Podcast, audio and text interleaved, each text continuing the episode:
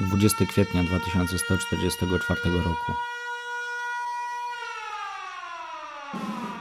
Zaczęło się nad ranem, około godziny 3.40. Alarm zawył w całej bazie. Jeffrey spał nade mną i o mały włos nie zmierzył mi stopą palców ręki, kiedy nieprzytomny zwlókł się z górnej pryczy. Do naszego baraku wszedł sierżant Batista, który z nieprzesadną wrażliwością i uprzejmością poprosił nas o natychmiastowy wymarsz. Przekleństw, które zwymyślał na poczekaniu ten stary Ramol nie jestem w stanie przytoczyć. Jestem pewien, że podniecenie konfliktem otworzyło w jego umyśle nową furtkę. Gotowi i zwarci wyszliśmy przed barak. Sierżant Batista wskazał nam kierunek na odprawę i w zwartym marszobiegu dotarliśmy do linii zbornej. Po odliczeniu i sprawdzeniu obecności sierżant Batista opuścił nas. Byliśmy lekko zakłopotani. Przemawiał do nas porucznik Heller, znajomy Jeffa. Wprowadził bardzo ogólnie w sytuację.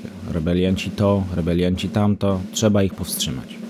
Wiedziałem tylko tyle, że lecimy do Europy. Po zakończonym apelu bezgłośnie za nami zaparkowało kilka ciężarówek, które miały nas przewieźć na pobliskie lotnisko samolotów i lekkich krążowników powietrznych. Nie słyszałem nawet hurgotu silnika, tylko brzdęk blaszek nieśmiertelników i tupot ciężkich butów. Załadunek na samoloty też przebiegł sprawnie. Wszyscy rozsiedliśmy się w swoich miejscach i czekaliśmy, umilając sobie czas rozmową. Conor i któryś z tych pryczy naprzeciwko straszyli tak już wystraszonego Arnolda, że będą musieli skakać w locie. Domyślam się, że Conor również popuściłby na samą myśl, ale zakłócał lęk wyśmiewaniem i żarcikami. O godzinie 12.00 byliśmy już nad Europą. Było spokojnie, za spokojnie. Punkt zbiórki wyznaczono na granicy hegemonii germańskiej z księstwem Polski. Mieliśmy rozpędzić zbrojne oddziały paramilitarne urzędujące na danym terenie i pomóc zabezpieczyć dostawy ropy. Tyle dowiedzieliśmy się od sierżanta Andersona, który leciał z nami. W tamtych czasach złoża naturalne Ziemi były na wyczerpaniu. Ludzie oskubali własną planetę do cna i myśleli, że obejdzie się bez konsekwencji. Walczyliśmy o każdy litr. Zresztą woda pitna też była w cenie. Tak naprawdę te wszystkie wojny i bitwy stoczone za granicami Stanów były nakręcane przez korporacje. Każdy chciał się dorobić i każdy chciał przejąć rynek. Państwa chętnie przyjmowały pomoc finansową. To były dziwne czasy, Anno. Najpierw inwestowano ogromne pieniądze w armię, nowe technologie, pociski dalekiego zasięgu, silosy rakietowe, działa, karabiny, substancje chemiczne i broń biologiczną. Gdy wojsko znalazło zastosowanie dla danego wynalazku, zaczęto odkrywać jego bardziej produktywne strony, w szczególności w medycynie, rynku energetycznym czy sprzęcie pogotowia lub straży pożarnej. Najpierw dążymy do zabijania, później do ratowania. Ciekaw jestem, od jak dawna to trwa. Moi rodzice zdążyli opowiedzieć mi odrobinę o dawnych czasach i z tego co wiem, konflikty to nasza natura. Podobno kiedyś nasz rząd zapłacił grube miliardy, aby stworzyć czołgi z pociskami nuklearnymi.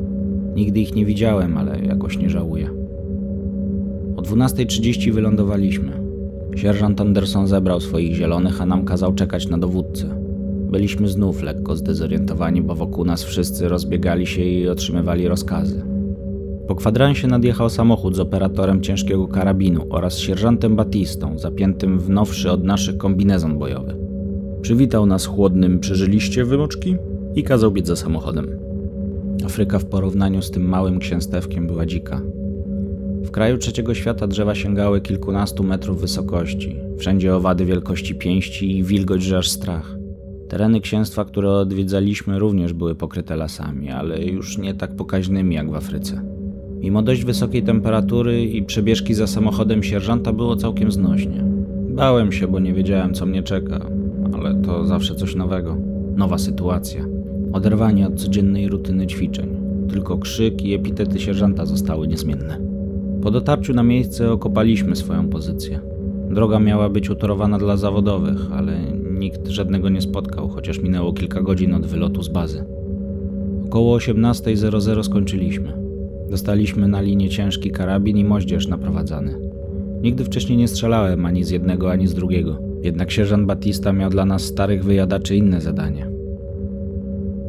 Około godziny 18.20 razem z Jeffem patrolowaliśmy północną część przejazdu kolejowego. Zamiast okopać się, dostaliśmy rozkaz chodzić wzdłuż torów, bo jak twierdził sierżant, żaden złamas nie zaskoczy Marines. Pluł przy tym za każdym razem, kiedy kończył wypowiedź. Około godziny 20.00, gdy znaliśmy już z Jeffem każdą szynę i belkę torów na pamięć, sierżant wysłał Arnolda i Derricka na zwiat do rozciągniętej linii posterunkowej Zielonych, około 3 km przed naszym mizernym umocnieniem. Podobno stracił połączenie z sierżantem Andersonem. Zaczęliśmy się niepokoić, gdy po pół godziny nasi koledzy nie wracali. Sierżant Batista dopiero wtedy się zdenerwował i podniósł na nogi z siedzenia swojego opancerzonego samochodu. To mi i Jeffowi przypadł zaszczytny rozkaz sprawdzenia, co się dzieje. W czasie, gdy się oddalaliśmy, słyszałem tylko garść epitetów rzucanych na talent operatora radiowego i sprzęt. Przeszliśmy żelazny most nad niewielką rzeką. Kiedyś pewnie była dumnym, rwącym potokiem, ale ingerencja człowieka w przyrodę mocno ją ugodziła. Potem został nam jeszcze zakręt i ostatnia prosta do posterunku zielonych. Jeff odpalił latarkę i wypatrywał naszych w nadziei, że nas nie postrzelą w obawie przed wrogiem. Ja miałem mniej szczęścia. Wodząc wzrokiem po zaroślach i wysokich brzuskach, potknąłem się o coś miękkiego. Jeff natychmiast poświecił w miejsce zdarzenia. Odkryliśmy dwa ciała. Arnold miał otwarte oczy. Nie oddychał. Derrick leżał kilka metrów dalej, podziurawiony jak sito. Jego ciało topiło się we własnej krwi. Jeff zgasił latarkę i przycupnęliśmy na chwilę. Poczułem przypływ adrenaliny i paniki jednocześnie. Postanowiliśmy wycofać się do naszego posterunku. Nie pamiętam, która była godzina i ile nam to zajęło. Z tamtej nocy pamiętam tylko ciche pikanie, gdy przechodziliśmy przez most. Dziś już wiem, że była to zasadzka na transport, którego mieliśmy strzec. Pierwszy do naszego posterunku dobiegł Jeff. Był opanowany. W przeciwieństwie do sierżanta Batisty, który wypomniał naszą nieudolność. Dopiero gdy przestał wrzeszczeć, Jeff w dwóch słowach poinformował sierżanta o sytuacji. Nie żyją. Uwierzysz mi lub nie, ale wtedy sierżant zmienił swoje nastawienie do nas. Tego nie zapomnę nigdy. Powiedział: Panowie, musimy. i urwał w połowie. Nikt nie wiedział, co musimy. Usłyszeliśmy tylko świst i zobaczyliśmy rozbrysk krwi z jego tchawicy. Byliśmy zaskoczeni przez wroga. Konor wychylił się z okopu. Spojrzał się na mnie, a ja spojrzałem na oczy, które odbijały blask księżyca w zaroślach zaraz za nim.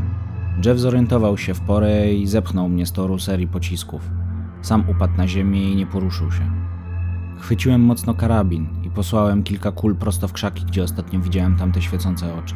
Nad martwym konorem usłyszałem krzyk zdziwienia i bólu.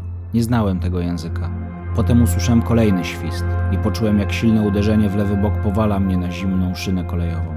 W tamtej chwili słyszałem jeszcze krótko krzyki i komendy wydawane przez chłopaków z naszego oddziału. Krzyk Hugo też zamarł w pewnym momencie.